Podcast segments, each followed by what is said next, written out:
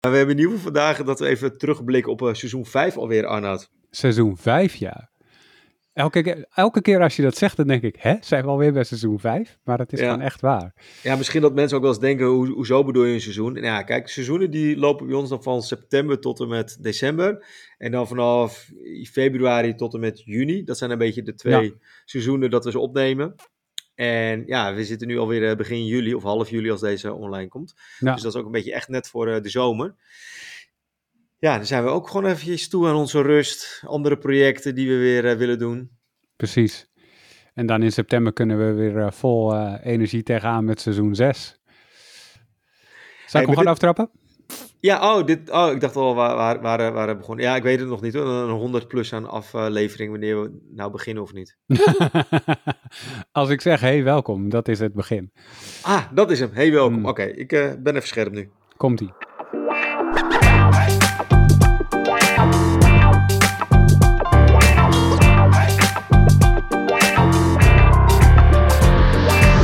Hey, welkom bij een nieuwe aflevering van een podcast over voeding. In deze podcastserie gaan we in op de wetenschap achter voeding en laten we wetenschappers aan het woord over allerlei thema's die met voeding te maken hebben. Maar vandaag niet, want ik zit alleen met Bart Mol van I'm a. Hoi Bart. Hey Arnoud, goedemorgen. Ja, dit is ons, eh, dit, dit is ons toetje van het seizoen. Ons, eh, ons eh, mooie dessert. Ja, jij bent dol op desserts, dat weet ik. Dus als ik het zo zeg, dan heb je er extra veel zin in. Zeker, ik ben helemaal scherp. Ja, misschien voor de, voor de luisteraars, ik ben dol op desserts. Bij mij is het inderdaad dat als we naar een restaurant gaan of dergelijke, ga ik altijd eerst kijken hoe, hoe, hoe, hoe de desserts eruit zien. Als ik denk, oké, dat ziet er goed uit, dan, ga ik, dan denk ik, oké, het komt goed. Sommige mensen kijken naar, naar het hoofdgerecht waarschijnlijk, maar bij mij is Mhm. het precies even, even andersom.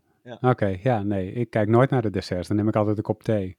Of, of, of ik neem vijf afleveringen van een podcast over voeding. Een van de twee, daar moet ik nog even over nadenken. Juist, en een broodje Jaap. ja, we hebben allebei vijf afleveringen uitgekozen eh, eh, die we dit seizoen eh, de moeite waard vonden om nog eens onder, het, onder het voetlicht te brengen, wou ik zeggen. Maar dat klopt niet. Voor het voetlicht te brengen of onder de aandacht. Wil jij beginnen, Bart, met, jou, met jouw eerste aflevering die jou opviel op de een of andere manier?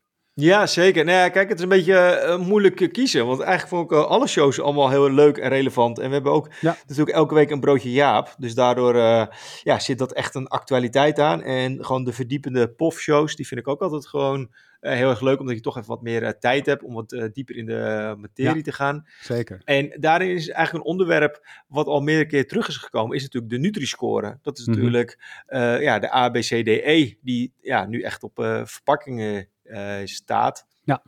En ja, ik vond het wel gewoon weer een interessante show. Dit is dan de derde show ehm, die we erover hebben opgenomen. Hij blijft actueel en relevant. Met name nog ja, omdat de staatssecretaris van Ooyen ehm, ja, rond, wat was het volgens mij, mei, juni, toen echt formeel akkoord heeft gegeven, joh, deze gaan we invoeren. Eh, ondanks dat het nog niet eh, ja, eh, synchroon loopt met de schijf van 5 en de richtlijnen goede voeding. Dus het is eigenlijk best wel een gemankeerd logo. En ik merk zowel ja, privé, als ik in de supermarkt loop, denk ik echt van hoe dan? Weet je wel, sommige producten die een A hebben binnen hun product eh, k- en, en categorie. Eh, maar ook zakelijk gezien dat we echt heel veel vragen krijgen van luisteraars en zo. Van ja, hoe moet ik het interpreteren? Dus wat dat betreft is dat gewoon een, eh, ja, blijft het een relevante aflevering voor de luisteraar om te kijken van ja, hoe, hoe, hoe zit het nou? Hoe moet, hoe moet ik de Nutri-score nu precies interpreteren? Ja. Dus vandaar dat ik daar toch nog eventjes ja, op terug wil kijken. Ja, en wat, wat, wat daar het, meest opviel in die aflevering bij mij was ehm, dat het dus echt bijt met de schijf van vijf. En dat vond ik echt eh, best wel raar om te merken. En dat is denk ik ook het stuk waar we nu eh, naar gaan luisteren. Ja, dat klopt. Er zijn heel veel voorbeelden van goede eh, berekeningen om voedingsmiddelen in te delen in gezonder en minder gezond, die gemakkelijker passen bij de schijf van 5. En de schijf van 5 heeft zelf ook dit soort type richtlijnen dan Nutri-Score. En eh, dus, dus ja, dit is een heel simpele oplossing eh, die daar klaar ligt, maar die dus niet geïmplementeerd moet worden, eh, kan worden, omdat er een soort van, ja, allerlei eh, politieke redenen voor zijn om eh, dan die Nutri-Score berekening maar te gebruiken.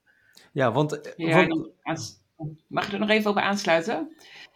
Ehm, want als je zo'n Nutri-score zou gebruiken en een schijf van 5 en die elkaar koppelt, zeg maar. Het mooie daarvan is dan, dat je aan de A en B, zeg maar de groene producten, dan echt die, die schijf ehm, eh, logo zou hebben.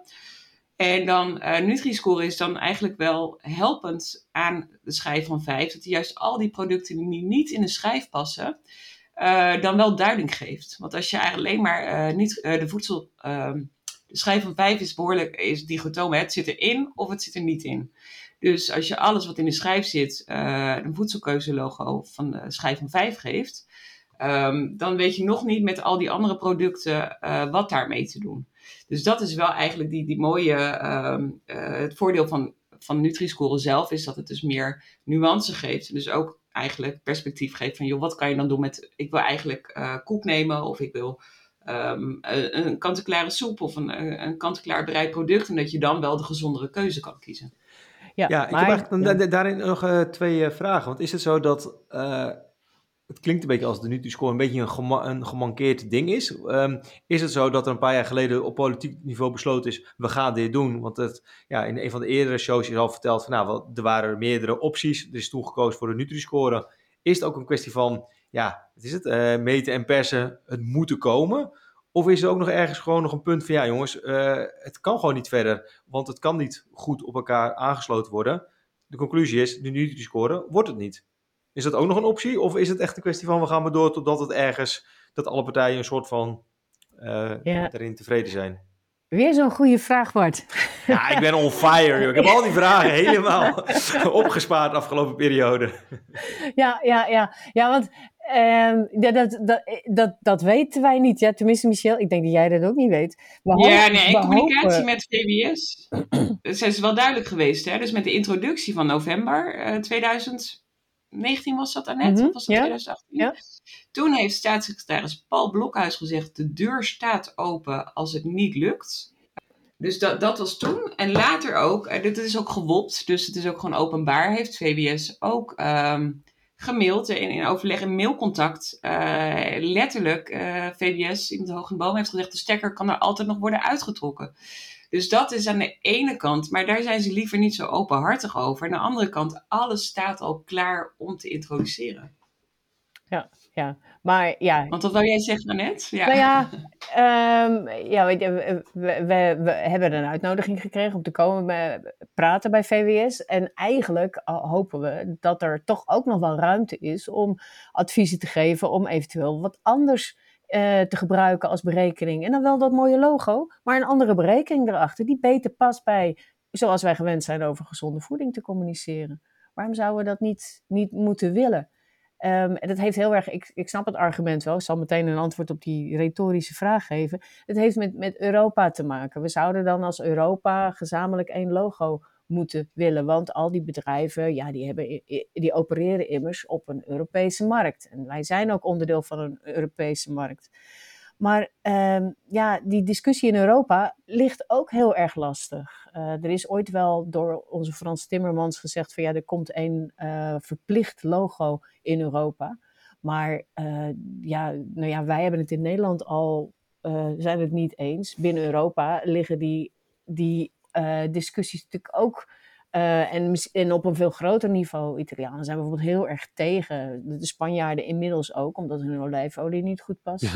Maar de, nou, ik kan het misschien moeten we wel voortouw in Nederland nemen en daar gewoon een Nederlands logo van maken. Nou, ik snap wel het uh, culturele aspect. Want wij zijn, ja, we hebben een andere eetcultuur uh, ten opzichte van Italië en Spanje. Dus daarin kan ik me wel voorstellen dat ja, het voedingscentrum vaker bij ons allerlei suggesties doet met brood of et cetera, dan ten opzichte van misschien uh, ja, ja. Zuid-Europese landen. Ja, maar, dat is een mooi voorbeeld, ja. Is er eigenlijk ook dan nog uh, überhaupt een noodzakelijkheid, zo'n voedselkeuzeloog? Want als we al uh, zoveel jaren mee aan het bakkeleien zijn, er is natuurlijk een historie van het groene vinkje, duurzame vinkje, en je kiest bewust logo en nog een, een stuk of wat. Uh, gewoon geen logo? Is dat ook nog uh, een van de opties? Of, uh... Nou, weet, weet, je wat het een beetje is? Die logo's, er zijn maar een deel van de consument die überhaupt kijkt. Dus, op die reden zou je denken, ja, waarom zit je te zeuren over een logo? Niemand kijkt, iedereen kijkt naar de prijs en gooit zo'n karretje vol. Um, maar uh, dat NAPV, waar Michelle het over had, ook al, uh, ja, dat is een hele mooie set van criteria die ontwikkeld zijn door Voedingscentrum en RIVM om producenten te stimuleren om producten te verbeteren. Maar ja, daar moet wel iets, een reden voor zijn voor, voor producenten om te, um, om te verbeteren. En dat zou een Nutri-score kunnen zijn of een type logo waarmee je de producent beloont voor het er zout uithalen, verzadigd vet of suiker uit hun producten halen. Op die manier bereik je niet alleen die consumenten die kijken naar een logo, maar ook de consumenten die niet kijken naar een logo. En dat zijn er veel meer. Dus ja, het is eigenlijk gewoon een gemiste kans als die twee dingen niet op elkaar aansluiten. En is het... Ja, maar wat, waarbij dus het logo wordt ook een tool is dus om dus die bedrijven te stimuleren om gezondere producten te maken. Of een manier om daar dus bepaalde eenheden eruit te halen, et cetera. Net zoals je dat dus vergelijkingen met koelkasten en vaatwassers. Dat ook, ja, want het uh, A-logo van tegenwoordig is niet meer hetzelfde als 20 jaar geleden. Dan zijn die, het A-logo, of het A-logo van vroeger is tegenwoordig weer F, zeg maar. Dus wat dat betreft is dat dus... Uh, ja, en, en dat, dat zou je eigenlijk in de voeding ook willen. En een logo, het is niet voor niks dat het toch regelmatig in het nieuws komt. Iedereen vindt het belangrijk. En het is eigenlijk niet omdat die consument het nou zo interessant vindt, want die kijken er bijna niet naar. Maar omdat die producent dat heel graag zou willen uh, gebruiken om die consument ja, toch te verleiden uh, hun producten te kopen. Maar daar zit ook precies de kans om een gezonder aanbod aan voedingsmiddelen te krijgen. Hey Bart, je zei het al, uh, we hebben heel veel broodjes Jaap gemaakt met uh, Jaap Seidel uh, dit seizoen. Dat hadden we elke week. Ging vaak over de actualiteit. En een van de actualiteiten die het meest ehm, speelde rond voeding was het al dan niet afschaffen van BTW op groente en fruit. ik weet niet of je nog bij de pomp hebt gestaan met, een, met een benzineauto afgelopen weken, maar dan heb je weer gemerkt dat er weer BTW bij op is gekomen, of accijns, wat eerder was afgeschaft vorig jaar. Daar gaat het dus heel makkelijk. Uh, maar BTW afschaffen op groente en fruit, dat is heel lastig. En voordat we die aflevering met Jaap maakten, dacht ik van, wat is daar nou moeilijk aan? Je moet gewoon vaststellen wat groente en fruit is. Daar zet je ergens een punt. Je hebt gewoon, uh, zeg maar, een definitie, een grens, wat groente en fruit is. En alles wat eronder valt, nou, dan schaf je BTW af. Um, en zoals altijd is Jaap daar genuanceerd over en weet hij die nuance ook goed uit te leggen. En na de aflevering had ik echt wat geleerd in de zin van, ik snapte nu waarom het zo'n ingewikkeld probleem is om, om die BTW af te schaffen, dat het echt niet zo makkelijk is als dat het lijkt. Hoe kijk jij daarop terug? Nou, in die zin uh, hoopvol, want het moment van opnemen uh, zit het kabinet weer uh, in een een of andere crisis. Dus dat het lijkt erop of het nog gaat vallen voor, voor de zomer. Dus in die zin bedoel ik hoopvol dat mocht het kabinet vallen, nou dan biedt het kansen als we, we, weer gaan stemmen. Want ook in andere shows, zoals onder andere de show met de Alexander Renoy Kan, dat hij ook aangaf ja, dat er steeds meer politieke partijen zijn die dat meenemen in hun verkiezingsprogramma. Dus dat je eigenlijk ja, met het stemmen straks, je vindt dat een belangrijk punt, dat je daarmee misschien je keus kan maken. Ja, dat het gewoon meer op de politieke agenda moet eh, komen. En dat het dan ja, vanuit de politieke Ehm, ja, gewoon wordt, wordt geagendeerd en dat ze daarin keuzes maken. En dus dat is het ene punt. Hè? Dus, uh, en het andere punt, wat ook wel vaak in shows naar voren is gekomen. Het is niet alleen het verlagen van BTW. Het is een totaalpakket van uh, het verlagen van BTW. Plus wellicht een, een, een suikertax. Hè? Dat dus de ongezondere producten dat die in een hogere btw-tarief uh, komen, of dat misschien extra worden, worden belast. Het afschaffen van de, de kindermarketing of allerlei ehm, de twee, de, de twee is één acties. Hè? Dat is natuurlijk ook zo'n uh, zo, zo'n geëikt punt. Hè? Van dat je opeens in, vaak al met uh, de koek, snoep, suikers, ijsjes en dat soort dingen. Dat je er één betaalt en je krijgt er twee. Ik heb dat nog niet echt vaak gehad. Mijn Favo appel, dat is, ehm, ja, dat is de Pink Lady. Ik heb nog niet zo vaak gehad dat ik er twintig kan kopen voor de prijs van vijf. Maar Nee, dat is in ieder geval even meer een uitdieping op uh, de B2 en uh, op fruit en groente. Yes. Nou ja, kijk, het is natuurlijk waar, hè? maar je kunt natuurlijk als overheid kun je zeggen, ik, we gaan het niet zo ingewikkeld maken. En we gaan het niet juridisch zo ingewikkeld maken. We maken gewoon een lijst waarvan we zeggen, dit, dit, dit hè? we laten het voedingscentrum bijvoorbeeld uitzoeken, die dat het overigens al gedaan hebben. Hè? Wat zou er dan onder dat 0% uh, uh, btw-tarief moeten vallen, namelijk de groenten en fruitsoorten en, en producten uh, die daarvan afgeleid zijn, die in de schijf van 5 passen. Nou, die lijst die kun je natuurlijk gebruiken en hanteren en, en zeggen, uh, daar kun je protesten tegen hebben, maar dan protesteer je eigenlijk wat, tegen wat er wel en niet in de schijf van 5 zit. Ehm, dus je kunt het eenvoudiger maken en je kunt natuurlijk inderdaad een, een gelijkheidsprincipe uh, hanteren, hè, waarbij je zegt van we gaan niet uit van wat het voedingscentrum vindt of wat de wetenschap vindt, maar we gaan er eigenlijk vanuit wat de burgers en wat de producenten vinden. Die, die zijn in de lead. Als zij vinden dat zij groente maken, of dat, groen, dat dit groente is, uh, dan vinden wij dat uh, we het niet kunnen maken om dat product dan duurder te maken of een hoger tarief te laten vallen dan iets waar, wat zij ook groente vinden. Ja, nee, oké, want, want het rapport gaat uit van een uh, zeven varianten. Ja. Uh, en elk variant heeft dan eigenlijk een soort van uitvoerbaarheid, hè, van kan het ja. wel of niet technisch gezien, maar ook wel dat ze steeds teruggrijpen uh, naar het juridische kader. Ja. Zie jij dat dan niet echt als een probleem of als een onoverkomelijk issue? Omdat je denkt, nou, dan ga, kan je daar een beetje de spelregels versoepelen om dit toch mogelijk te houden? Of ja, dat is natuurlijk dat is bij alles zo. Hè? Alles rondom public health is het zo. Het is juridisch heel erg ingewikkeld. Als je het hebt over eh, in de, de grote steden, hè, dan zijn al die winkelstraten zijn vol met ongezonde voedselaanbieders. Uh, en hoe kun je Dunkin' Donuts nou weren? Want dat kan eigenlijk niet, want Dunkin' Donuts zegt ik ben een bakker. En dan, als je mij sluit, moet je alle bakkers sluiten in heel, heel Amsterdam. En anders gaan we procederen, net zolang tot we het gewonnen hebben. En dan uh, zijn of ze allemaal weg, of wij zijn er gewoon ook. En dat laatste gebeurt dan natuurlijk. En Dunkin' Donuts kan gewoon zich vestigen als bakker in de winkelstraat. En dan heb je in elke winkelstraat twintig van die ongezonde fastfood aanbieders. En die hebben allemaal een legitieme reden. Hè? Dus een, een pizza hut die zal zeggen, ja wij zijn een restaurant, Italiaans restaurant. Net zoals elk ander, als je ons wil sluiten en weren, dan moet je al die andere dingen ook weren. En dat is dat gelijkheidsbeginsel. En, en dat is iets waar, waarvan de, zowel de lokale als de landelijke overheid al heel erg lang zeuren over, geef ons een juridisch kader waarin we dit wel kunnen doen. In plaats van dat wij ons moeten aanpassen aan een ingewikkeld juridisch kader, zou je niet een juridisch kader kunnen maken wat de volksgezondheid helpt, in plaats van de, uh, ja, de bedrijven en, en, de consumenten allerlei mogelijkheden geven om alsnog uh, goedkoop ongezond voedsel overal te kunnen krijgen.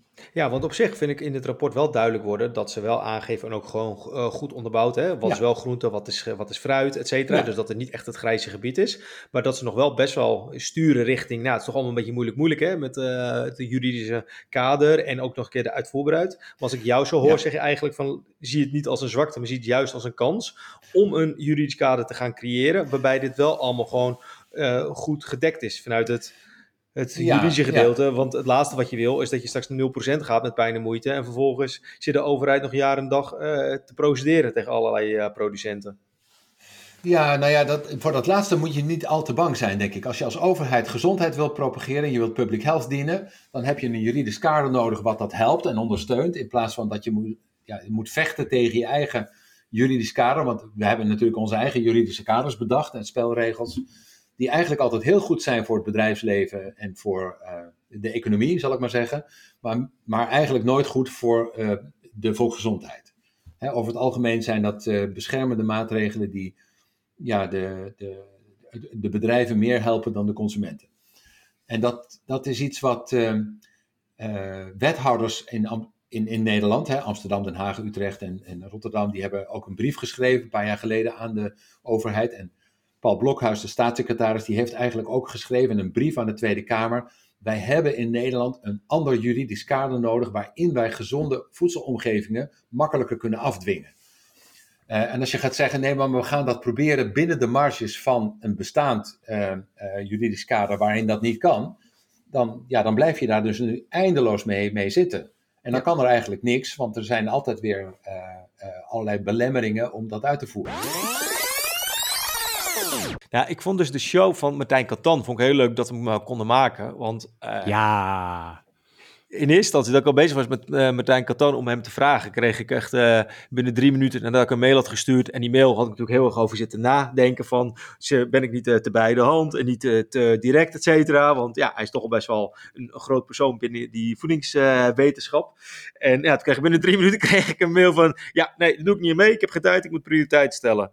Nou, dan ben ik ook weer zo koppig dat ik gewoon weer terug mail van, ah, Martijn kan het wel. Nou, anyway, lange vrouw kort. Hij, ik had hem toch kunnen, over, uh, kunnen overhalen. En ik vond ook wel dat hij best wel een grappige uh, standpunt had van, ja, leuk en aardig met die uh, commerciële bedrijven, maar als je wilt dat ze gezondere producten gaan maken of iets, zorg dat gewoon in de wetgeving. Punt. Ehm, de, de bedrijven die doen het gewoon binnen de bandbreedte tussen van de, de, van de regels en wetten. En op het moment als wij als maatschappij of overheid willen dat ze daarin ehm, ja, uh, gezondere producten maken, dan uh, moeten we dat maar gewoon in wet en regelgeving doen. En zodra we dat niet doen, kan je veel, uh, veel van ze vragen en wellicht dat ze een beetje in mee bewegen. Maar ga niet dingen van hun verwachten dat ze dat op eigen initiatief doen. Dus ik vond dat op zich wel een grappig standpunt die hij daarin had. Yes, laten we daar even naar terug luisteren. Ik bedoel, het is een harde wereld. Ze moeten de spullen verkopen, anders dan gaan ze failliet en staan die mensen op straat. Uh, heel begrijpelijk. Maar ik, ik hoor je nu al een paar keer over, over uh, politiek praten, dus kennelijk wil je daarheen.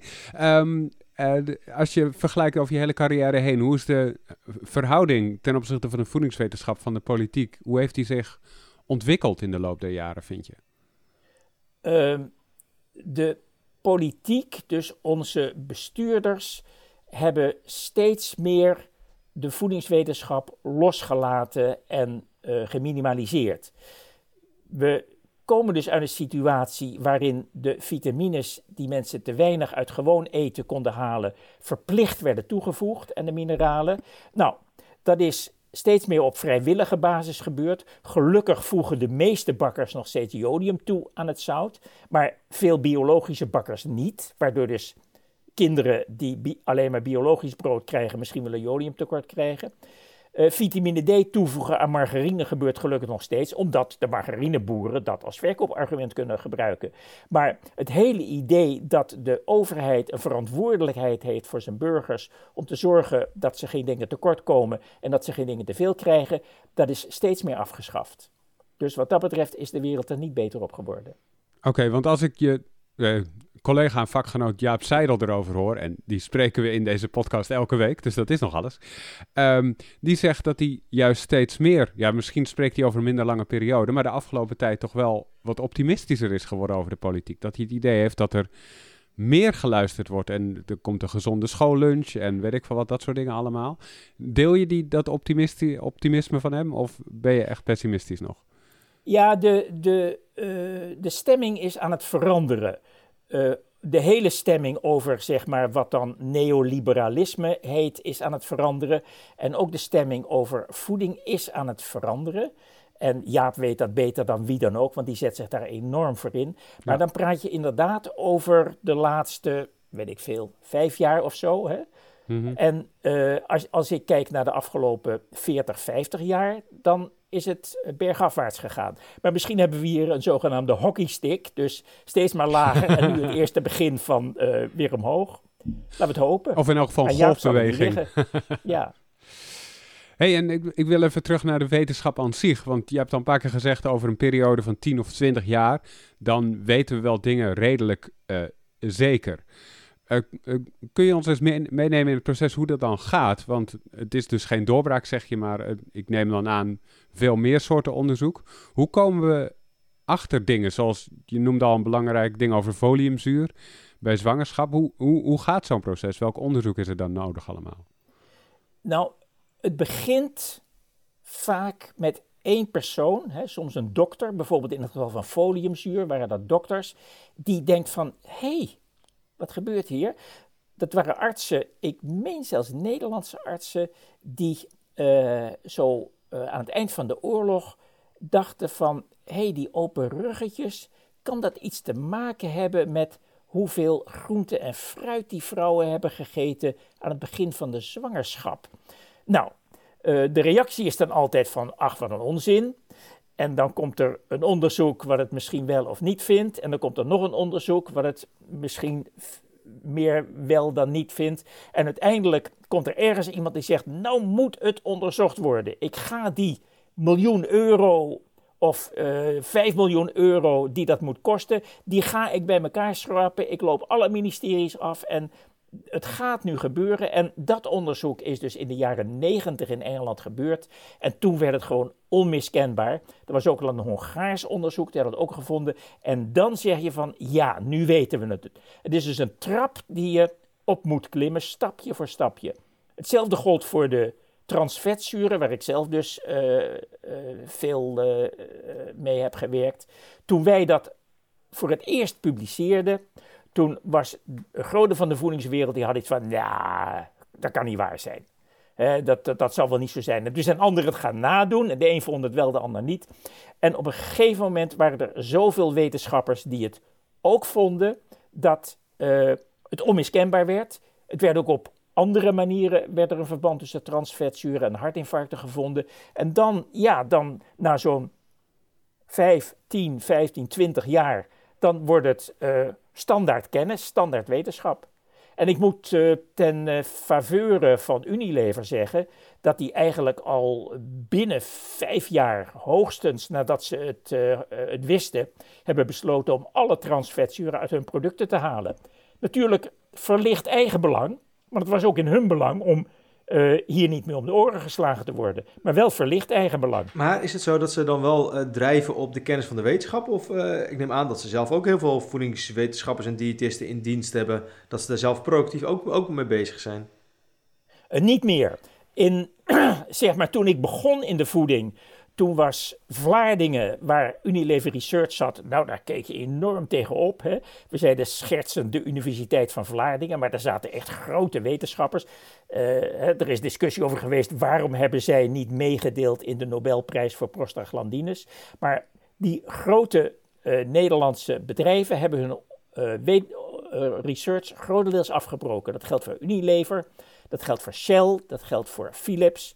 Er zijn nieuwe bedrijven gekomen, zoals ASML, maar het Unilever van nu is qua research niet te vergelijken met 50 jaar geleden.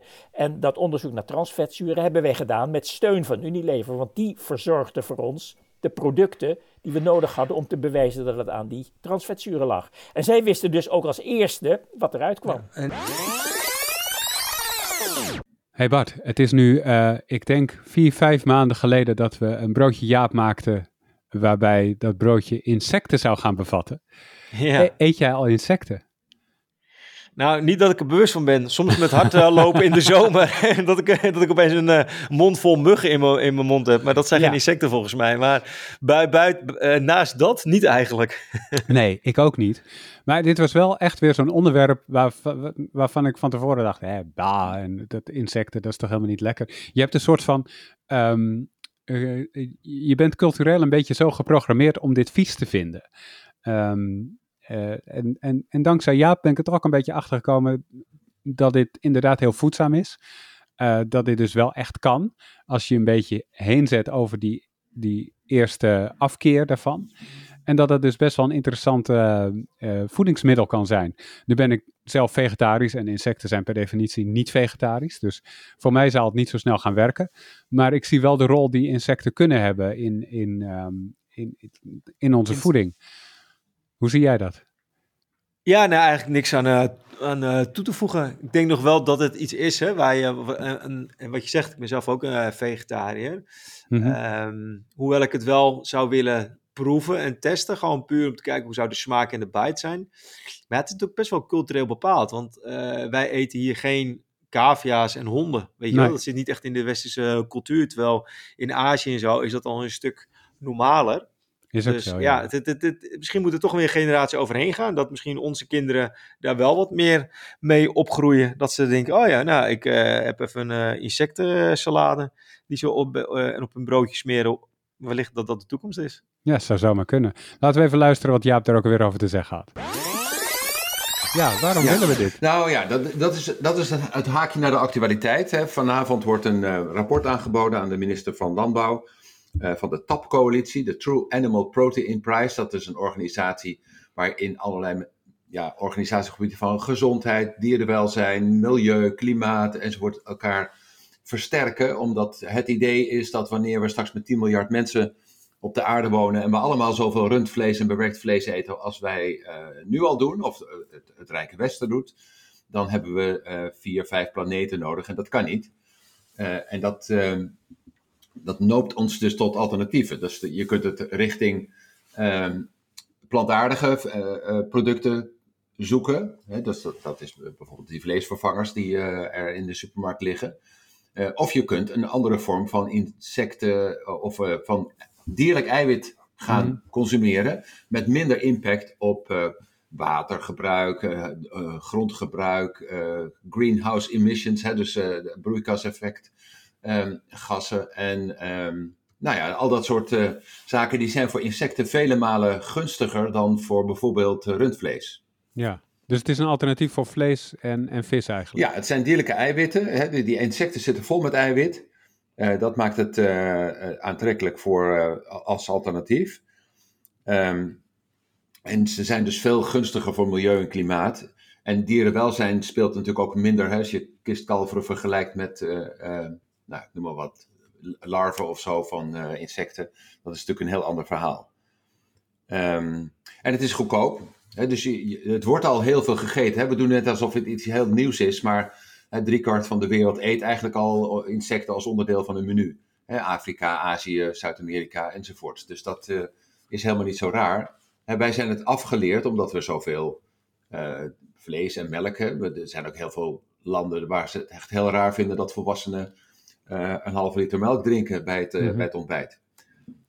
Maar is het zo dat als ik bijvoorbeeld eh, een vervent vleeseter ben eh, en ik eet bijvoorbeeld, eh, ja, zeg 200 gram rood vlees elke dag, kan ik dan dan, eh, zijn insecten, welke manier dan ook, een goede vervanger daarvoor? Of is het Ja, qua eiwit en ijzer is, is dat best wel prima. Eh, en dus vitamine B12 zit er natuurlijk ook in. Hè? Dus dat, dat, de, de belangrijke voedingsstoffen zitten daar wel in. Het heeft natuurlijk wel een heel ander gevoel. Hè? Dus die, die echte carnivoren, zal ik maar zeggen, die, eh, die we hebben, die houden van groot stuk rood vlees en zo. Eh, en dat, maar dat rode vlees, dat heeft dus ook weer als nadeel dat dat eh, mogelijk kankerverwekkend is. Daar gaat het rapport wat aangeboden wordt vanavond ook over. Er zit heemijzer in en, eh, dat, en bewerkt vlees, daar zitten allerlei toevoegingen aan in die mogelijk kankerverwekkend zijn. En ook het risico op hart- en vaatziekten zouden kunnen verhogen. En dat is waar ehm, eh, veel mensen zich zorgen over maken. En dat heb je met insecten ook niet. Dus het is een gunstige vervanger op allerlei manieren. En ehm, is, het, is het eigenlijk vegetarisch? Nee, zeker. Nee, nee, de- eh, het is dierlijk voedsel. Ja. Maar, maar dat dierlijk voedsel, dat heeft dus eh, als grote bezwaren, en daar zijn heel veel boeken over geschreven, hè, over ja, hoe wij eigenlijk dieren mishandelen en uitbuiten en hoeveel eh, voor het dier voedsel eigenlijk er gekapt moet worden in de tropische regenwouden en al dat soort zaken. Hè. Dus, ze produceren veel methaan, hè, dus als je het over koeien hebt, dat zijn ook weer broeikaseffecten die dat eh, teweeg brengen. En dat, ehm, eh, ja, daar is dus heel veel discussie over. Moeten wij wel zo ontzettend veel vee hebben? Als je ziet hoeveel kilogram er aan gedomesticeerde dieren rondlopen op de aarde, dat is dan 99% van al het biologisch levend materiaal. Eh, dus dat is echt heel veel. En dat is. ehm, ehm, eh, dat kan dus zo niet door. Hè? Want eh, als we regenwouden moeten blijven koppen, eh, kappen om de soja-eiwitvoorziening eh, omhoog te krijgen, zodat die koeien voldoende kunnen eten. Hè? Dus mais en eh, soja is een belangrijke bron voor diervoedsel. En eh, ja, dat, dat, dat is iets wat eh, qua milieu, klima- klimaat, maar ook qua dierenwelzijn. Hè? We weten natuurlijk hoe de bio-industrie werkt met dieren en de massale consumptie daarvan. En dat zou alleen maar verveelvoudigd moeten worden wanneer eh, de rest van de wereld ook zoveel vlees gaat eten als wij nu doen. Ja, wat, hoe kijk je nog terug op die eh, laatste, of die ene show met eh, Frank en Merel over eh, mondgezondheid, Arnoud? Ja, ik vond dat het, dit, dit lag echt, en dat wisten we van tevoren, aan de rand van ons, zeg maar, ons, het gebied wat we met deze podcast beslaan. Ik vond het wel echt heel interessant. Ehm, eh, juist omdat het een iets ander perspectief geeft op, op, op voeding en, en hoe je daarmee omgaat. Hoe, wat, wat, waar, waar denk jij aan terug als je aan die aflevering terugdenkt, Bart? Nou, eigenlijk met name dat eh, de grootste takeaway vond ik dat eh, zij noemen dat met mooie woorden pijn aan het aangezicht. Oftewel, Ja. ja, het is gewoon pijn. Of eh, ja, als het pijnlijk is om, om, voor jou, om te kauwen. Dat veel mensen daar al, dat ze er last van hebben. Dat er nog steeds heel veel gedaan kan worden. Dat je nog steeds kan genieten van eten. Want heel simpel, ja, eten en drinken doe je elke dag. Dus het, is- natuurlijk behoorlijk eh, frustrerend als je pijn hebt eh, bij het eten door eh, ziekte of dergelijke. Maar dat er in ieder geval heel veel aan te doen is. Zodat je, als je dit hebt en je, en, je- hoort dit of je kent iemand die pijn heeft tijdens het, het eten. Ja, ga niet bij, bij de pakken neerzitten. Maar ja, ga echt naar, naar je tandarts en maak het bespreekbaar. En het is niet een kwestie van accepteer het maar. Dat is één. En met name ook gewoon echt dat kouwen. Dat Ja. is, ja, om mezelf te betrekken. Ja, soms kauw ik met heel weinig eh, bewustzijn. Ja. Dat je opeens, ja, ik- ik- heel vaak gewoon met, met werk of zo, dat je dan toch even dat ik een appel eet of, of een banaan en zonder dat je bewust van bent, ja, eh, is je op. Terwijl eigenlijk denk ik, ja, gewoon eh, en goed, een goed kouwen en dat het ook iets doet met, met, met je mental state of mind. Dat vond ik best wel interessant. Ja, laten we daar even naar eh, terugluisteren. En daardoor is kauwen dus ook belangrijk voor hoe je functioneert met je hoofd. Wacht even, dus als ik vroeger tegen mijn moeder zei, ik, ik moet echt eh, een zak chips eh, bij hebben als ik voor een toets leer, want dan kan ik beter leren. dan was het dus echt waar en niet een smoes van mij. Het was echt waar, maar je had verstandiger keuzes kunnen maken, als ik dat met alle respect mag zeggen. Maar even wat, wat je eens noemde, Frank, hè? want eh, ik voel gelijk eventjes aan mijn kaak, omdat je zegt dat is ook allemaal een grote Ja. spier dan. Is dat dan onder mijn oor? Is dat dan de spier Ja, het is voel? spier, zeg maar, de- eh, voel ik heel Ja, het- als je je vingers voor je oren plaatst aan beide kanten en je gaat hard bijten op je kiezen, dan voel je daar een spier opbollen. Dat is de, de grote Ja, ook kauwspier. echt aan het doen. Je Ja, voelt ja, het ja, ja. Ja, ik wil het echt. Eigenlijk moeten we een video-opname maken, Anna. Dus het is heel, heel raar. Misschien moet je het even Er vertellen, zitten nu Anna, allemaal voor mensen voor in de auto en in de trein Ja. die, eh, die, die dit ook proberen. Maar inderdaad, je zet je, je je zet je vingers onder je oren neer. Dat kan zelfs met een koptelefoon op of met Kijk. oortjes in. En dan doe je net alsof je bijt en dan voel je, Iets opbollen. ja, Ja, je voelt iets opbollen. Ja. eh, Bovenop Ja. ja. ja, het, het kaakbot lijkt me. en je kunt hem Ja. ook nog op je slaap zetten, hierboven, boven de, boven de, de jukboog. En als je dan bijt, Ja. voel je daar nog een grote spier. Dus je hebt eigenlijk Ja, vier hele grote kauwspieren, die zijn superkrachtig. Wacht, waarom span die ook aan? Dat zijn Als spieren, je, als je, dat, als je dat zijn kauwt? spieren die hetzelfde doen eigenlijk. Je hebt eh, voor, voor één beweging soms meer, meerdere spieren nodig. Nou, je hebt spieren in de wang en in de slaapstreek zitten. Die allebei nodig zijn om hard te kunnen dichtbijten. En dus ook te kunnen kauwen. Ja. Dat zijn eigenlijk pompen die het bloed naar de hersenen pompen, onder andere. Waardoor de Mhm. hersenen beter door bloed raken en je je beter kunt concentreren.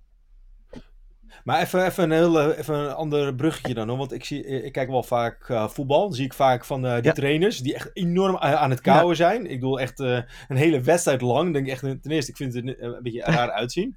Maar dan denk ik denk ik het idee van, wat zijn ze allemaal aan het doen joh? Maar zijn ze misschien dan super hyper geconcentreerd bezig Ja. eigenlijk dan? Omdat ze dan echt hun cognitie op die manier Dat zou zomaar kunnen dat ze dat, onbewust doen op die manier. Je ziet het eh, trouwens ook, dat is even een zijpaadje bij, eh, bij slechte acteurs die moeten laten zien dat ze geëmotioneerd zijn. Die gaat dan altijd een beetje klemmen op hun kiezen. En dan zie je ook die spieren zo ophouden. Moet je maar eens opletten. Als je naar een slechte serie kijkt, dat doen we allemaal wel eens. Guilty pleasure toch? Heb je, Dan zie, dan zie je juist die, die, die, die slechte acteurs, die zitten met name heel erg te klemmen dat die spieren de hele tijd opbollen. Maar dat even Ja. terzijde. heb je namen Frank? Wie jij een slechte acteur vindt? Dat Zal- het wordt een beetje juice Zal- ik dit. dat maar niet doen? dat ga ik maar niet doen. Nee, Nee, precies. Nee, maar Nee. dat, dat is, eh, ja, dat, dat klemmen voor die sporters is bekend. De sporters kauwen ook vaak kauwgum. Mhm. Als ze zich moeten concentreren op iets. Dat zie je vaak ook bij honkballers. Die zitten heel lang op die bank en dan moeten ze zich in een hele korte Ja. tijd moeten ze zich goed concentreren. Dan kauwen ze die kauwgum om die concentratie te kunnen opbrengen. Dat is, het- daar is ook echt, Maar is dat ook echt echt... ook Maar dat is dus echt hun Ja. reden dat ze dat dus Ja. doen? Want ik dacht, het is, het is gewoon dat ze... Weet ik veel, eh, een zenuwtrekje Er is hebben. zelfs- eh, dat ze Er dus is zelfs op die onderzoek naar gedaan. Hier is dus bewijslast voor dat dit echt zo werkt. Op de korte termijn. De lange termijn, daar weten we wat minder Mhm. van. Maar op de korte termijn, dus tijdens een sportwedstrijd, dan helpt het als je aan het kauwen bent. En dan, ja, dan is kauwgum natuurlijk beter dan die zak chips. maar als het spieren zijn, Frank, Ja. kun je ze dan ook trainen dat ze sterker worden? Kun je spierpijn erin hebben, zodat je minder goed kan eten als je heel veel hebt gegeten? Dat kan allebei. Eh, het grappige is dat eh, het altijd wel verschillende personen zijn. De een zal door veel de spieren te gebruiken spierpijn ontwikkelen, terwijl de andere juist zijn spieren gaat ontwikkelen als een soort bodybuilder. En dat, Ja. dat heb je ook wel eens, dat zie je op straat als je om je heen kijkt en je kijkt naar mensen. Dan zie je soms mensen die, als ze relaxed zijn, heel ontspannen, zie je toch die spieren waar we net aan hebben gezeten met elkaar, die zie je als het ware op de wang liggen. En Ja. dat, dat is iets wat wij mannen vinden dat vaak stoer. Hè, maar je hebt ook bij andere, mensen vinden dat ja, toch wel wat minder esthetisch. En die willen daar ook Mhm. hulp voor. Maar het andere aspect wat jij noemde van die pijn, dat is wel een hele belangrijke. En daar, daar zal Merel straks ook het een en ander over vertellen. Maar die pijn, als je die spieren te veel gebruikt, te is nooit goed hè, als je ze te veel gebruikt, dan ga je daar pijn in krijgen. En als je het over te veel hebt, is het te veel kauwgom kauwen bijvoorbeeld, want daar zit ook een grens aan. Het is niet zo dat ik Mhm. nu zeg, iedereen moet maar de hele tijd gaan kauwgom kauwen. Je moet echt een balans vinden van hoeveel kauwgom je koudt. Nagels bijten is ook zo'n gewoonte die heel veel mensen doen, die de spieren Ja. overbelasten. Eh, en ook met name tandenknarsen. Ik weet niet of jullie Mhm. dat fenomeen ook kennen. Veel mensen weten wel, Zeker. kijk, veel mensen weten ook dat het ontzettend hinderlijk is als je bij iemand in de buurt slaapt die tanden knarst tijdens de slaap. Want dat maakt een, Mhm. zoals dat geluid van een keitje over een bord, dat gaat door merg en been.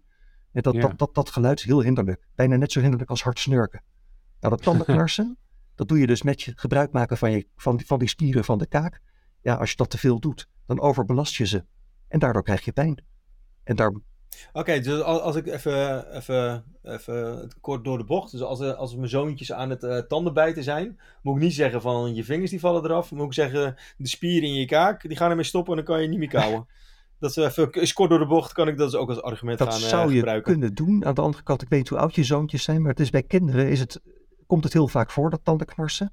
En zou je het juist niet moeten tegenhouden. Het heeft ook namelijk, en daar wil ik nog wel wat over zeggen als jullie dat interessant vinden, maar dat tandenknarsen heeft ook positieve kanten.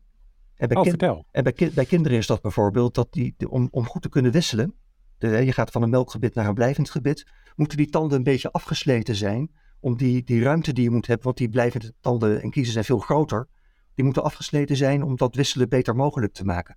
Dus dat kinderen wat meer knarsen en klemmen is normaal. Het heeft ook te maken met motorische rijping. Kinderen, die- als je een, peutertje ziet lopen of een dreumes, en die lopen een beetje onbeholpen te, te schommelen en zo. Dus die motoriek is nog niet die van een ballerina. Dus dat moet allemaal rijpen. Dus dat, eh, dat moet, de, kaken moeten dat ook. Dus dat je daarbij een beetje tanden knarst en klemt, ja, dat heeft te maken met het feit dat die kinderen nog niet uitgerijpt zijn. Maar er zijn nog Oké, maar de- ja, want mijn oudste die is dan Ja. zes. Eh begrijp ik het goed, dat rond ja, die 6, 7 begint volgens mij een beetje dat eh, de eerste wiebeltand komt. Dus als hij rond die fase aan het tandenknarsen is, dan is het juist eigenlijk een positief effect. Omdat misschien wel het gebit klaar wordt gemaakt om te gaan wisselen. Maar op het moment als hij straks 10, 12 is, wat is het? Ben je 14? Ben je Ja, dan zo rond, zo rond. Het, 12? eh, over, het hangt een beetje van het kind af, maar rond die tijd. Ja. Maar als ze dan weer gaan tandenknarsen, dan is het wel iets dat je denkt, nou, oké, dan dat is het alleen nu- maar iets op het moment dat hij er echt last van krijgt.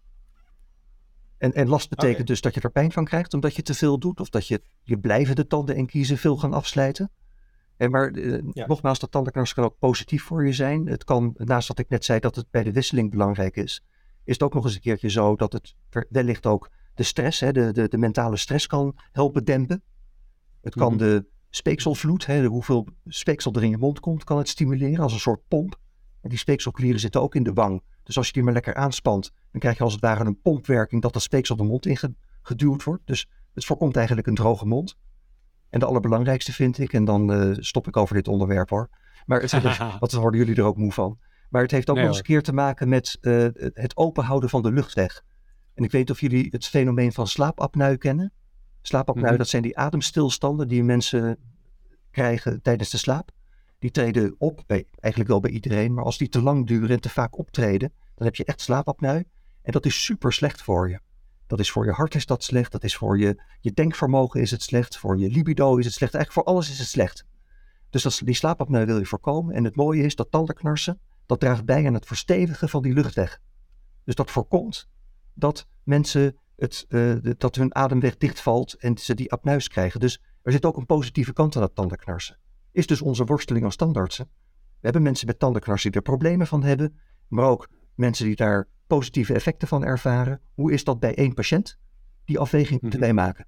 En dan moet je hetgeen wat het zwaarste weegt, de nadelige gevolgen, wegen het zwaarst. Dan ga je dat tandenknarsen behandelen, wegen de positieve gevolgen het zwaarst. Dan blijf je er vanaf. En die Ja. afweging moeten we altijd maken. Het gaat toch eigenlijk wel een beetje eh, op en neer, hè? Eentje voor jou, eentje voor, eh, voor mij. Mag, mag ik er nu nog eentje of wil jij er al eentje doen, eh, Arnoud? Nou, ik had zo'n mooi bruggetje richting die van mij. Want je had het net over pijn bij het kouwen. En we hebben een hele show gehad over pijn. Met ja, Bart dat denk ik aan Bart Morlion inderdaad, de Ja. pijnprofessor uit België. Ja, Amai. en ik vond dat dus, dat is ook zo eentje aan de rand van ons, van ons interessegebied. En ook eentje die bij mij wel is blijven hangen, omdat het zo, ehm, eh, ik vond het zo interessant. Zeg maar, de, de, het, het is iets heel anders. En na 100 afleveringen, en Bart Molion was aflevering 101, of misschien 100, of 101, een van de twee, wil ik af zijn. Maar ehm, eh, dat we dan ook nog zulke nieuwe dingen eh, in de aflevering hebben, dat vind ik echt machtig mooi. Want veel voedingswetenschappers, ja, ik, ik wil ze niet dissen hoor, maar ehm, eh, uiteindelijk vanuit hun verschillende vakgebieden komen ze vaak toch wel op dezelfde soort eh, eh, constateringen terecht. op het gebied van voeding. En, en dit geeft dan toch weer een iets, andere, een iets ander perspectief. En dat vind ik heel mooi.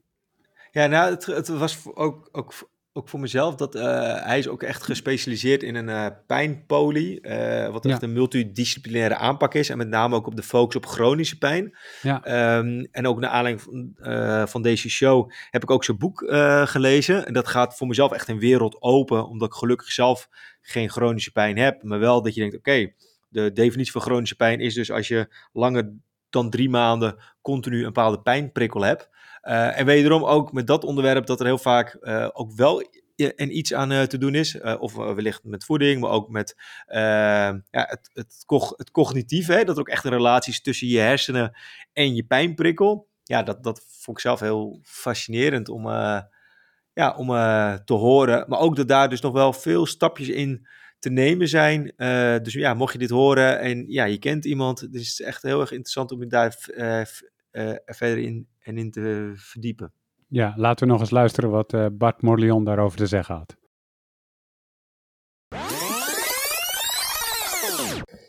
Ja, als, als je herinnert dat de meeste pijnklachten te maken hebben met het musculoskeletaal stelsel, met je spieren, met je gewrichten. En daar de belangrijkste risicofactor onder andere overgewicht is, dan zit je direct in die link voeding en overgewicht.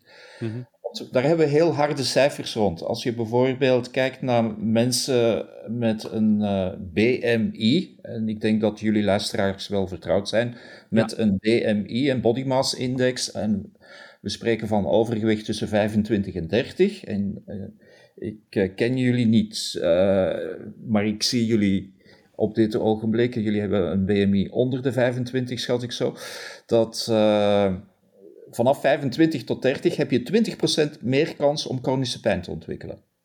Als je eenmaal boven de 30 bent, dan spreken we echt van zwaarlijvigheid, uh, obesitas, dan stijgt dat percentage naar 67%. Dus dat zijn heel harde cijfers rond. Een heel direct verband tussen je gewicht en het risico om chronische pijnklachten te ontwikkelen. En voor bepaalde pijnen is, is dat uh, het best in kaart gebracht, bijvoorbeeld knieartrose. Knieartrose is toch iets waar heel veel mensen mee kampen, dat, dat heel vaak ook ouderdoms gerelateerd is, dat het toeneemt bij ouderdom, maar daar zie je ook direct een verband tussen overgewicht en knieklachten en is aanpakken van overgewicht middels voedingsinterventies net nu ook een van de primaire behandelingen. En is dat ook een behandeling waarvan eh, bewezen is dat het werkt? Want met interventie ja, probeer je het natuurlijk aan te tonen. Enkel gewichtsafname uh, heeft in heel veel internationale studies aangetoond dat je al een reductie in uh, het optreden van pijn, dus er zijn verschillende studies gebeurd die gekeken hebben naar het, de preventie.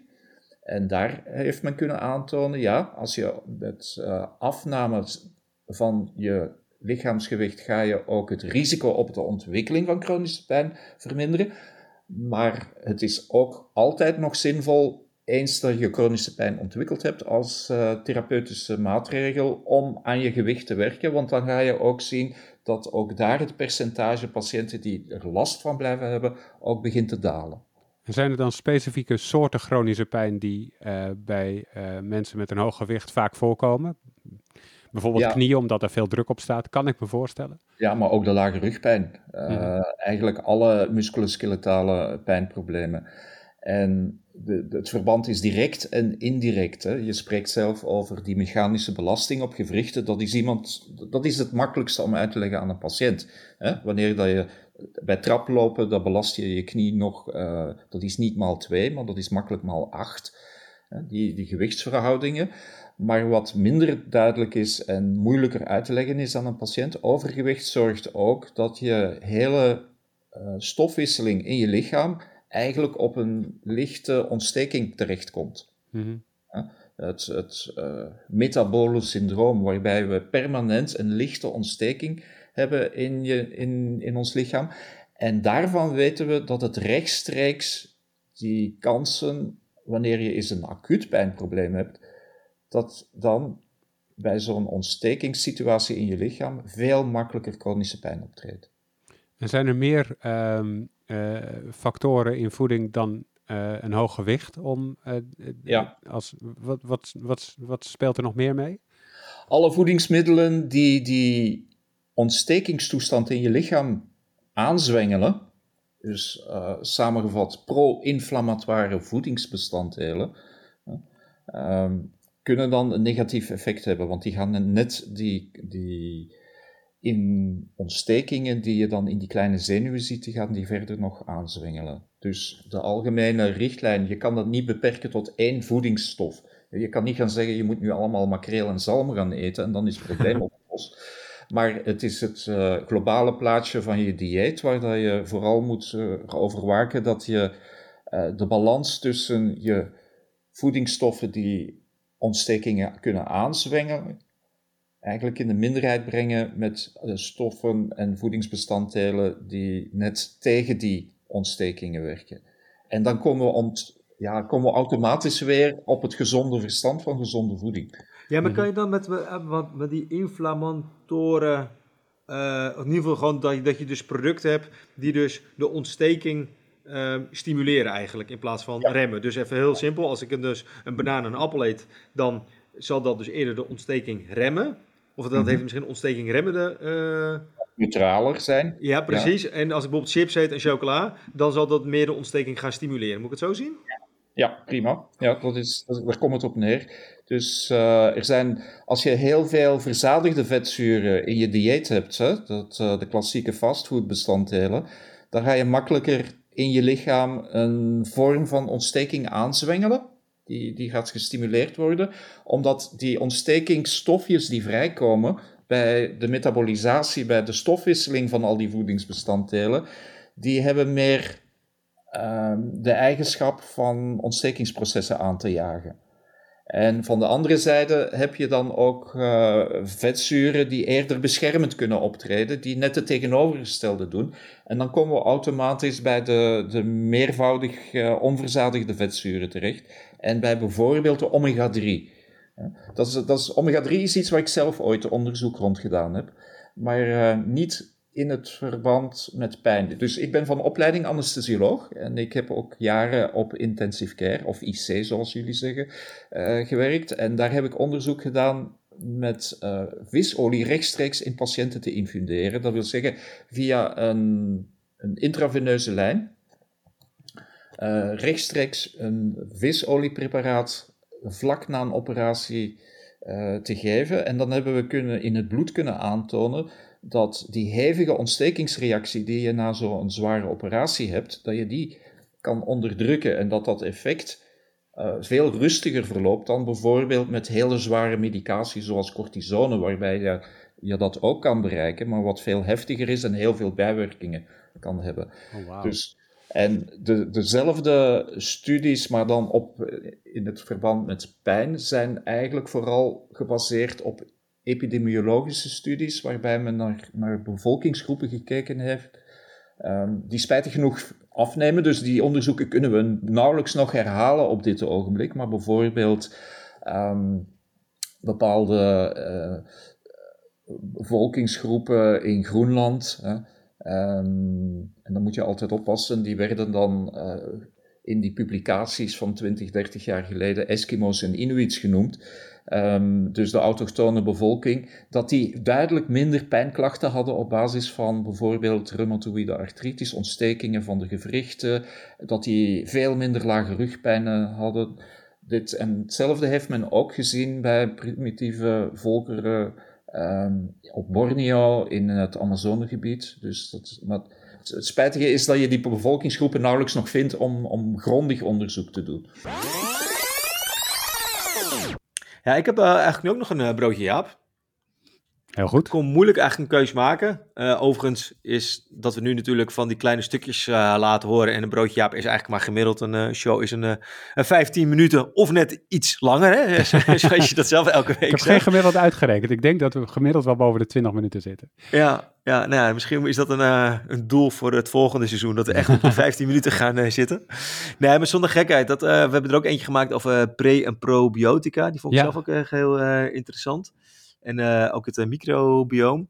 En ook weer in relatie tot ja, privé. Heb ik dan toevallig een, een zoontje van mij die had krentenbaard. Nou, heb ik twee weken lang zitten zalven en het hielp me niet. Ik kreeg nog meer krentenbaard erbij.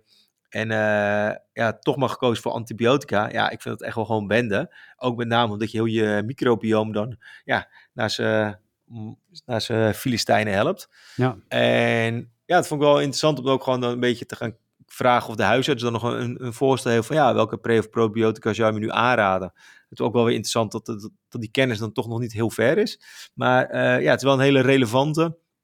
Om ook dus ja, uh, de hypes en trends binnen die pre- en probiotica dan te horen van Jaap dat hij daarop inzoomt. Want er is natuurlijk heel veel ja, zeg maar onzin wat je dus niet nodig hebt. Uh, ja, als je als je microbioom, zeg maar even met een moeilijk woord, als dat gewoon ja, goed gaat, uh, zeg maar. Maar uh, dit is in ieder geval even interessant om te horen wat Jaap erover uh, te zeggen heeft. Ja, de meeste vragen gaan eigenlijk over probiotica slikken bij antibiotica kuur. Ja. En dat is bij kinderen, dat is bij zwangerschap, dat is bij allerlei. nou, dus dat, dat maar misschien moeten we daar niet beginnen, maar nog even ehm, waarom is er zoveel discussie over? Hè? Want aan de ene kant vliegen die drankjes de, de, de deur uit. Hè? De, mag ik merken noemen als ik er heel veel noem, geloof ik wel. Hè? Actimel, Yakult, Activia, Vivit enzovoort. Hè? Allemaal van die Mhm. merken. Die staan overal in elke supermarkt. Het gaat als uh, uh, warme broodjes, Jaap, over de toonbank. en uh, nee, ze blij, mensen blijven ze kopen. Hè? En dan heb je nog een heleboel natuurwinkels. En dan kun je capsules kopen en sachets. Hè? Dus zakjes met poeder en enzovoort. Dat gaat maar door. En dat, dus er zijn heel veel Nederlanders die dat slikken. En um, ook al heel erg lang. Dus blijkbaar doet het iets voor, voor hen. En aan de andere kant heb je de, de, de strenge wetenschap. Hè? Dus de, de controlerende instanties die zeggen of iets wel of niet werkt. Uh, daar heb je in Europa heb je de EFSA daarvoor, hè? de European Food Standards Agency. Die controleert eigenlijk of er claims kunnen worden gemaakt. Hè? Gezondheidsclaims in dit geval. Er zijn heel veel ingediend voor die probiotica en die zijn eigenlijk allemaal afgewezen. Mm. En dat is dus een beetje de discussie. Hè? Dus je hebt de wetenschappers aan de ene kant, die ik, die, ik ken ze allemaal, uh, alle soorten bedoel ik, uh, en uh, die zeggen het is allemaal onzin. Het is gewoon allemaal flauwekul. En de anderen die zeggen, ja, maar er is echt heel veel gezondheidswinst te boeken met die probiotica. En die probiotica die, die hebben natuurlijk zo'n reputatie, omdat er iets mis is met onze microbiota in de darm. Als het allemaal goed zou zijn, dan hoef je geen uh, probiotica te slikken. Uh, en ja, we hebben ontzettend veel bacteriën, hè, 10 tot de 13e bacteriën. Dat is evenveel als we menselijke cellen hebben. En die doen eigenlijk de vertering van ons. Hè. Dus wij hebben het idee van ons maag-darmstelsel, is spijsvertering en hè, maagzuur, dat soort dingen.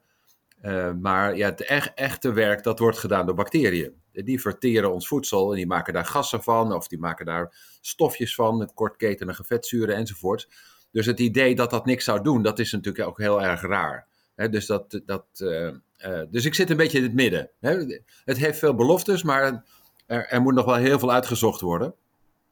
En dat, uh, er zijn een aantal dingen waarvan we zeker weten dat het heel goed werkt. En dat is bij antibiotica gerelateerde diarree. Hè? Dus veel mensen krijgen diarree wanneer ze antibiotica slikken. En daarvan weten we dat als, als je dan probiotica slikt, hè, dan begin je eigenlijk al een paar, na een paar uur na die antibioticumkuur start uh, daarmee. En dan ga je nog eens twee weken daarna door. Dan, dan uh, heeft dat een gunstig effect op het voorkomen van uh, diarree. Dus dat, er zijn een aantal ziektes, ook bij, bij kinderen, die helpen om ja, sneller te herstellen, of bepaalde infecties te voorkomen, of koliek te voorkomen, tandvleesontstekingen, dat soort dingen.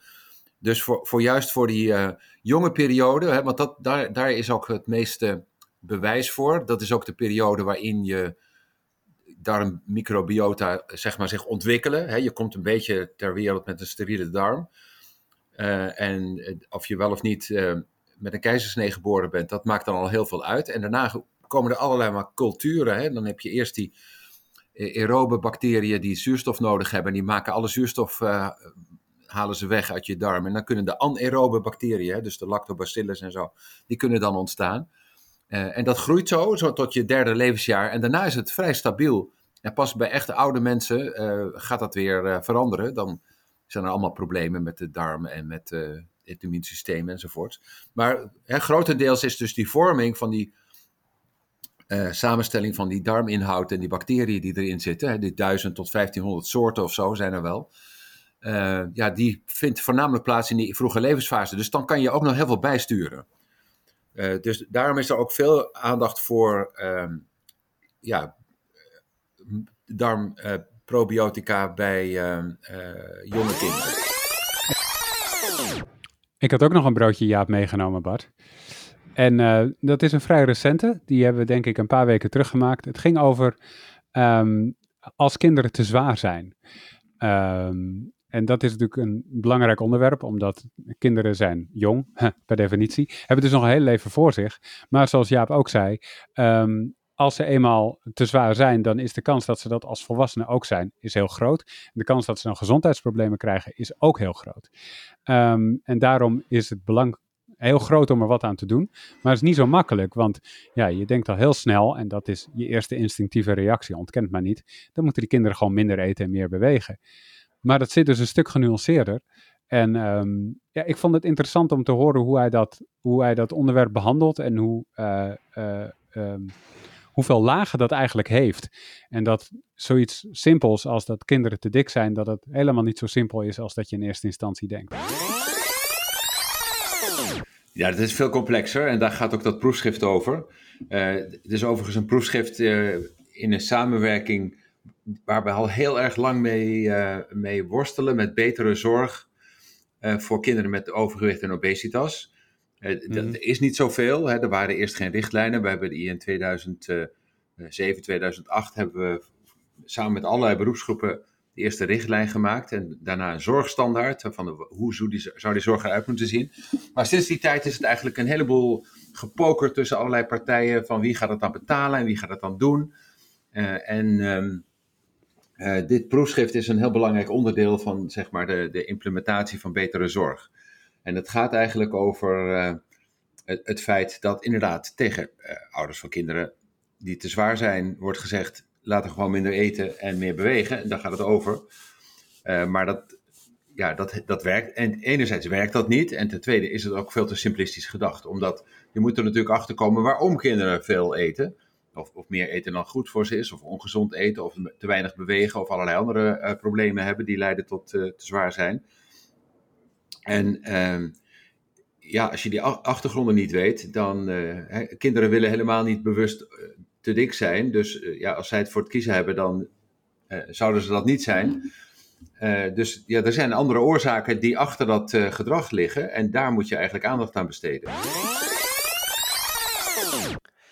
Ja, ik had een top 5 gemaakt eigenlijk, maar ik had echt wel een top 15 kunnen doen, of eigenlijk allemaal gewoon kort samenvatten.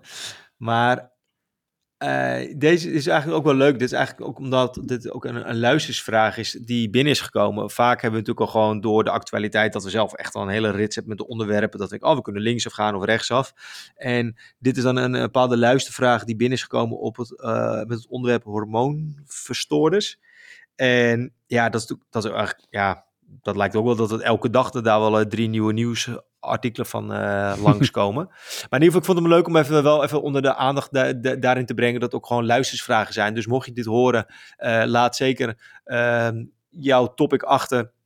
Ik zal het in de show notes eh, zetten.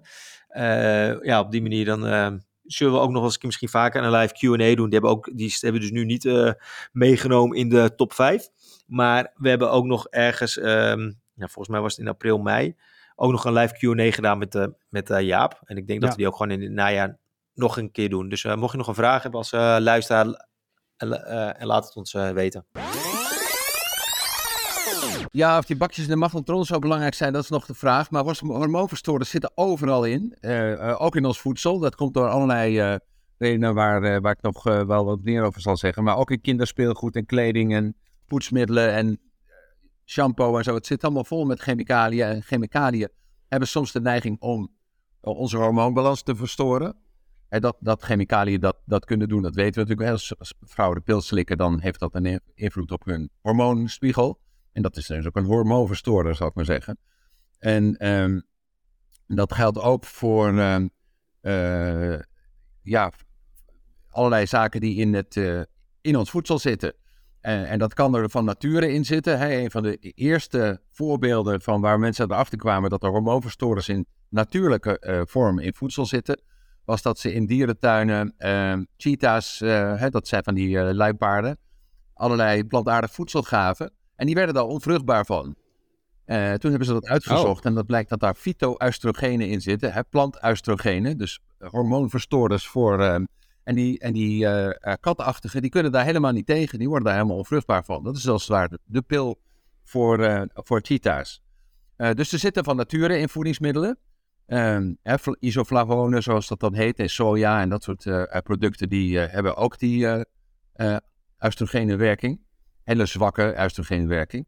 Maar er zitten nog veel meer stoffen in die er toegevoegd zijn. Dat gaat over bestrijdingsmiddelen die in de landbouw worden gebruikt. Het gaat over verpakkingen waar plastic in zit, waar uh, weekmakers in zitten, vlamvertragers, al dat soort uh, zaken.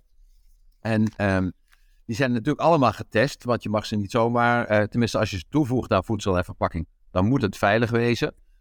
dus de Europese Unie kijkt er dan naar en dan krijg je er geen kanker van bij normaal gebruik. Weet je, dus dat is dan een beetje de, dus het mag.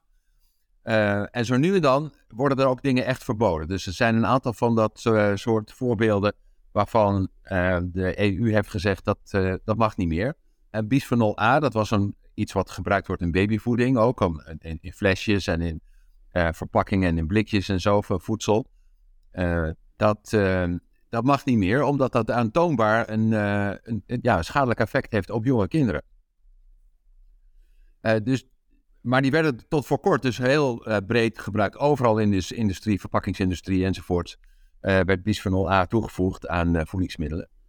en dat betekent dat we daar dus steeds meer kennis over hebben. Want het is natuurlijk heel erg lastig te onderzoeken van die stoffen die overal in zitten. En waar we in geringe mate aan blootgesteld worden. Wat die op de lange termijn doen aan, aan de ontwikkeling van een foetus of, het, of een kind in de, in de groei. Of het risico op kanker bijvoorbeeld. Dat zijn natuurlijk hele lastige zaken om te onderzoeken. En dan heb je eigenlijk uh, rekkelijken. Ik ken een aantal van die hoogleraren die zeggen, ja, je moet wel 10 kilo dit en dat eten en dan heb je pas een effect.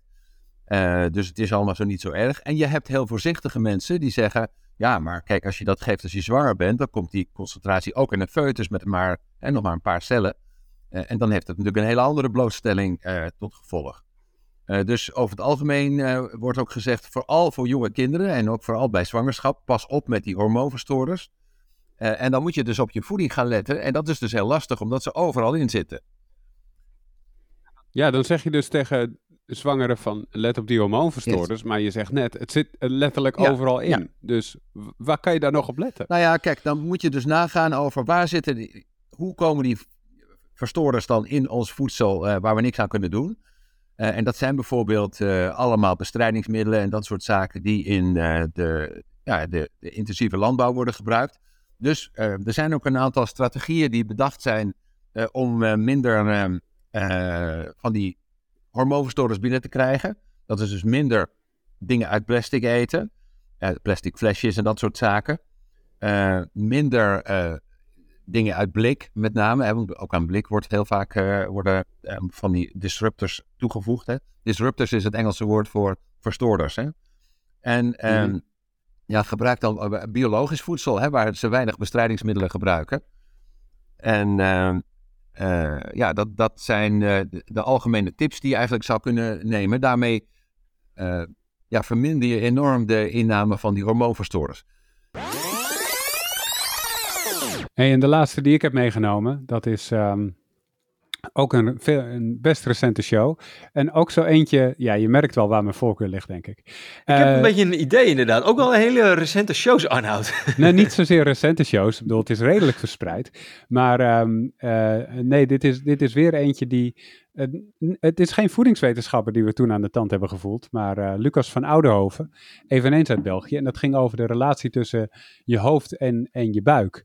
En wat ik daar interessant aan vond is, bij veel lichamelijke uh, dingen uh, denk ik vaak van, ja, het is een, lichamelijk, een lichamelijke aandoening, maar dat is niet alleen lichamelijk. Er is ook een psychologische factor. daarmee wil ik niet zeggen alles zit tussen de oren, want dat is veel te simpel. Um, maar er zit daar wel een complexe relatie tussen. En hij had het daar ook over. En dat vond ik heel interessant. En dat het dus ook beide kanten op werkt. Dus het is niet alleen dat je je slecht voelt in je buik uh, omdat er psychologisch iets mis is. Maar het kan dus ook omgekeerd, dat je je gewoon niet lekker voelt omdat er met je voeding iets misgaat. Um, uh, dus ik had daar op een gegeven moment ook de vraag gesteld: kun je jezelf gelukkig eten? Of iets in die variant. En uh, ik, ik, vond dat, ik vond dat een heel mooi gesprek. En ik vind dat zeker de moeite waard om nog eens hier onder de aandacht te brengen. Ja, dat is een vraag die ik wil vaker krijgen. Dat is natuurlijk een, een, een goede vraag. ik denk dat we daar eerst en vooral een onderscheid moeten maken tussen acute effecten en chronische effecten. En, en de evolutie gaat daar ook weer een rol in spelen, zeker als het gaat over de acute effecten. Um, wij zijn natuurlijk gemaakt om um, ja, gemotiveerd te blijven om voedsel te gaan zoeken in uh, uh, de tijden, uh, evolutionaire tijden lang geleden. Hè. Dus mensen, ja, um, hebben een, een, een respons ontwikkeld op voeding, zeker calorierijke voeding, suikerrijke voeding, van ha, dat, is, dat bezorgt ons plezier en genot. Ja. Dus suikerrijke, vetrijke voeding eten.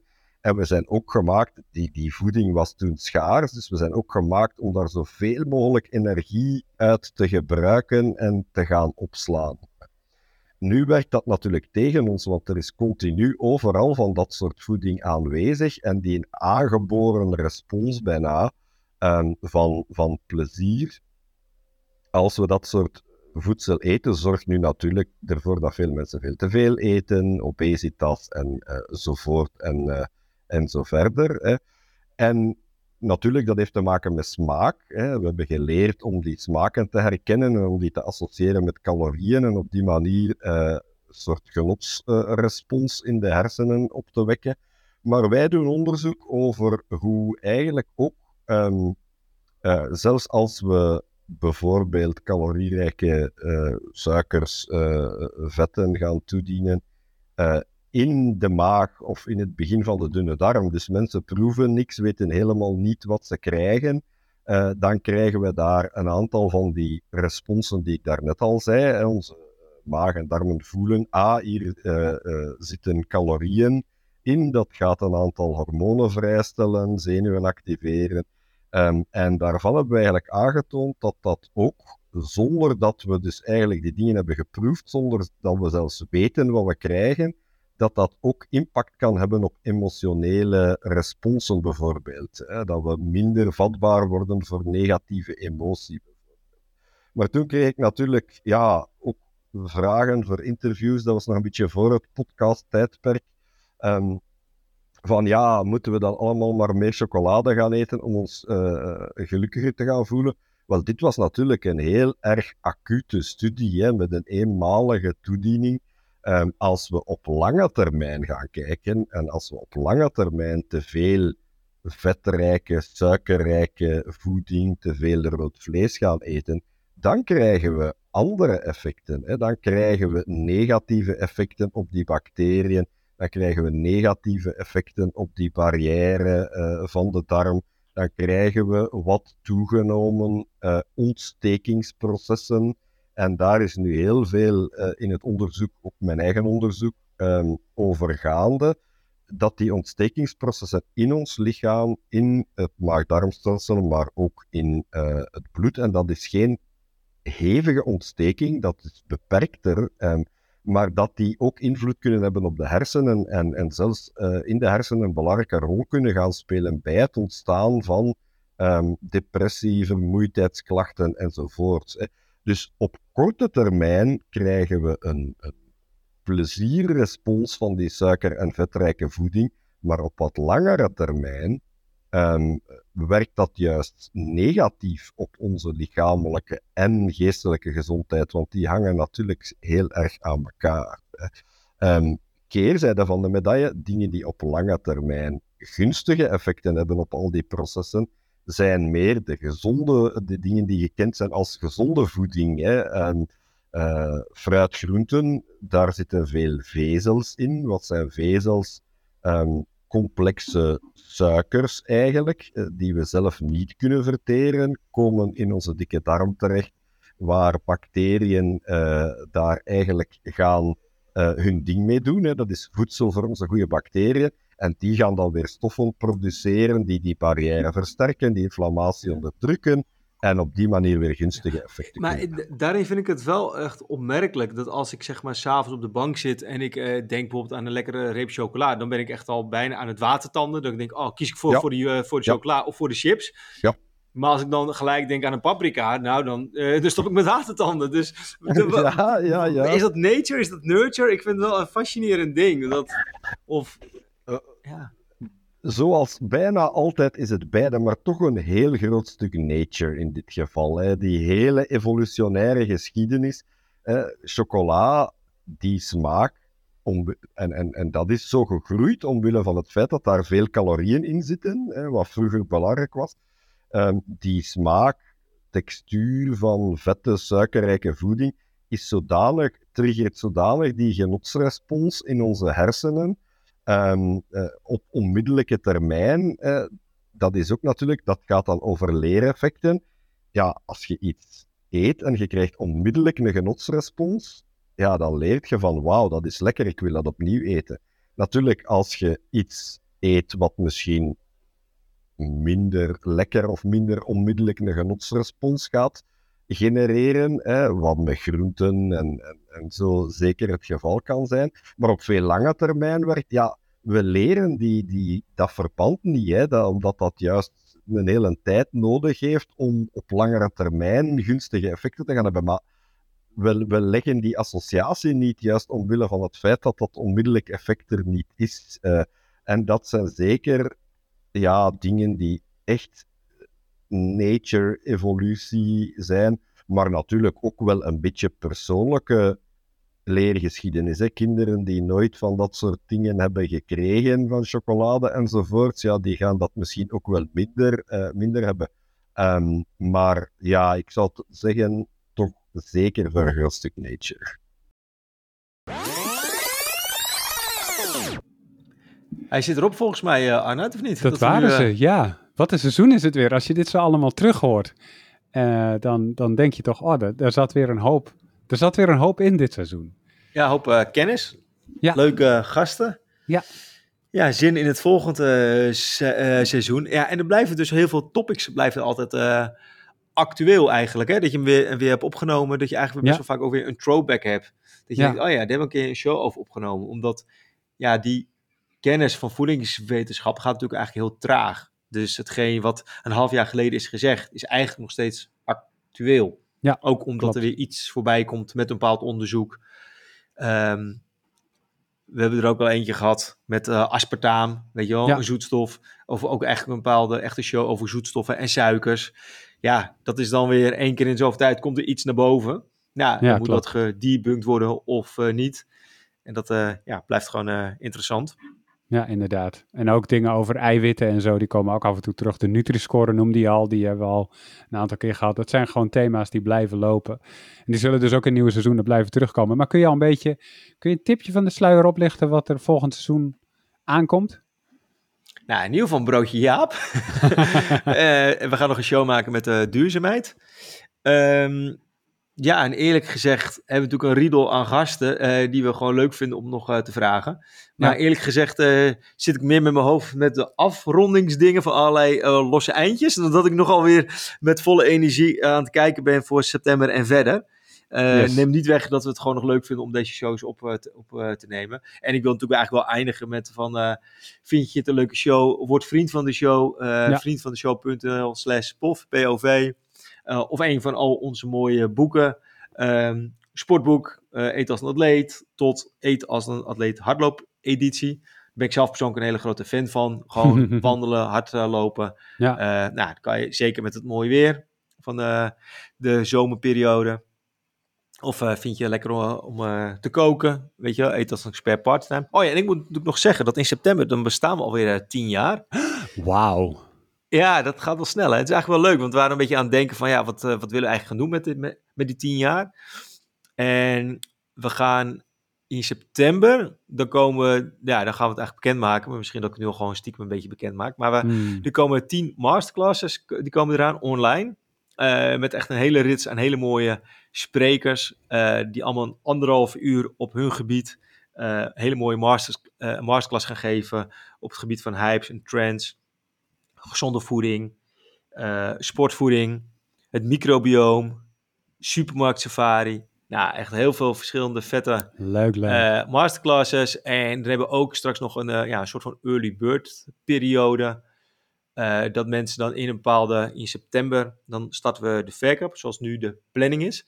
En dat mensen dan ook nog een, ja, een I'm a Foodie bag erbij krijgen met allerlei fysieke producten. Dus niet alleen digitaal, maar dat is alleen puur in die periode. Ehm, mocht je dat interessant vinden, eh, drop je e-mail eventjes op de lijst die in de show notes staat. Dan eh, houden we je op, op eh, de hoogte. Dus het wordt eigenlijk niet echt een, feestdag, maar het gaat meer eigenlijk een feestjaar worden. Dat we ja, eind dit jaar, begin volgend jaar, dat we gewoon elke maand leuke dingen gaan aanbieden. Wat goed, wat leuk. Ja, en Oh, dat ja. het alweer tien jaar is. En ja? Ja, nou ja, het bizarre is eigenlijk dat we dan met elkaar aan, eh, in gesprek waren van ja, moeten we er aandacht aan geven of niet? En dan ga je gewoon een beetje terugkijken en denk je, oh ja, we hebben eigenlijk wel heel veel gedaan met eh, boeken geschreven. We hebben gewoon zes boeken met Ja. elkaar geschreven en met het team. Ook eh, symposia gedaan, granola ontwikkeld, nou, verschillende content en recepten ontwikkeld voor allerlei klanten. We zijn overigens ook bezig met een nieuwe granola smaak. Eh, en ook nog een ander ontbijtproduct. dus ja, er zijn achter de schermen zijn we gewoon met volop met dingen bezig. eh, wat heel leuk is. Maar inderdaad, eh, op naar de volgende tien jaar, denk ik. Yes, nou dan ga ik ook afscheid nemen van de luisteraars voor dit seizoen. En dan zeg ik, we zijn er weer in september. Tot, eh, tot volgend seizoen. Yes, later!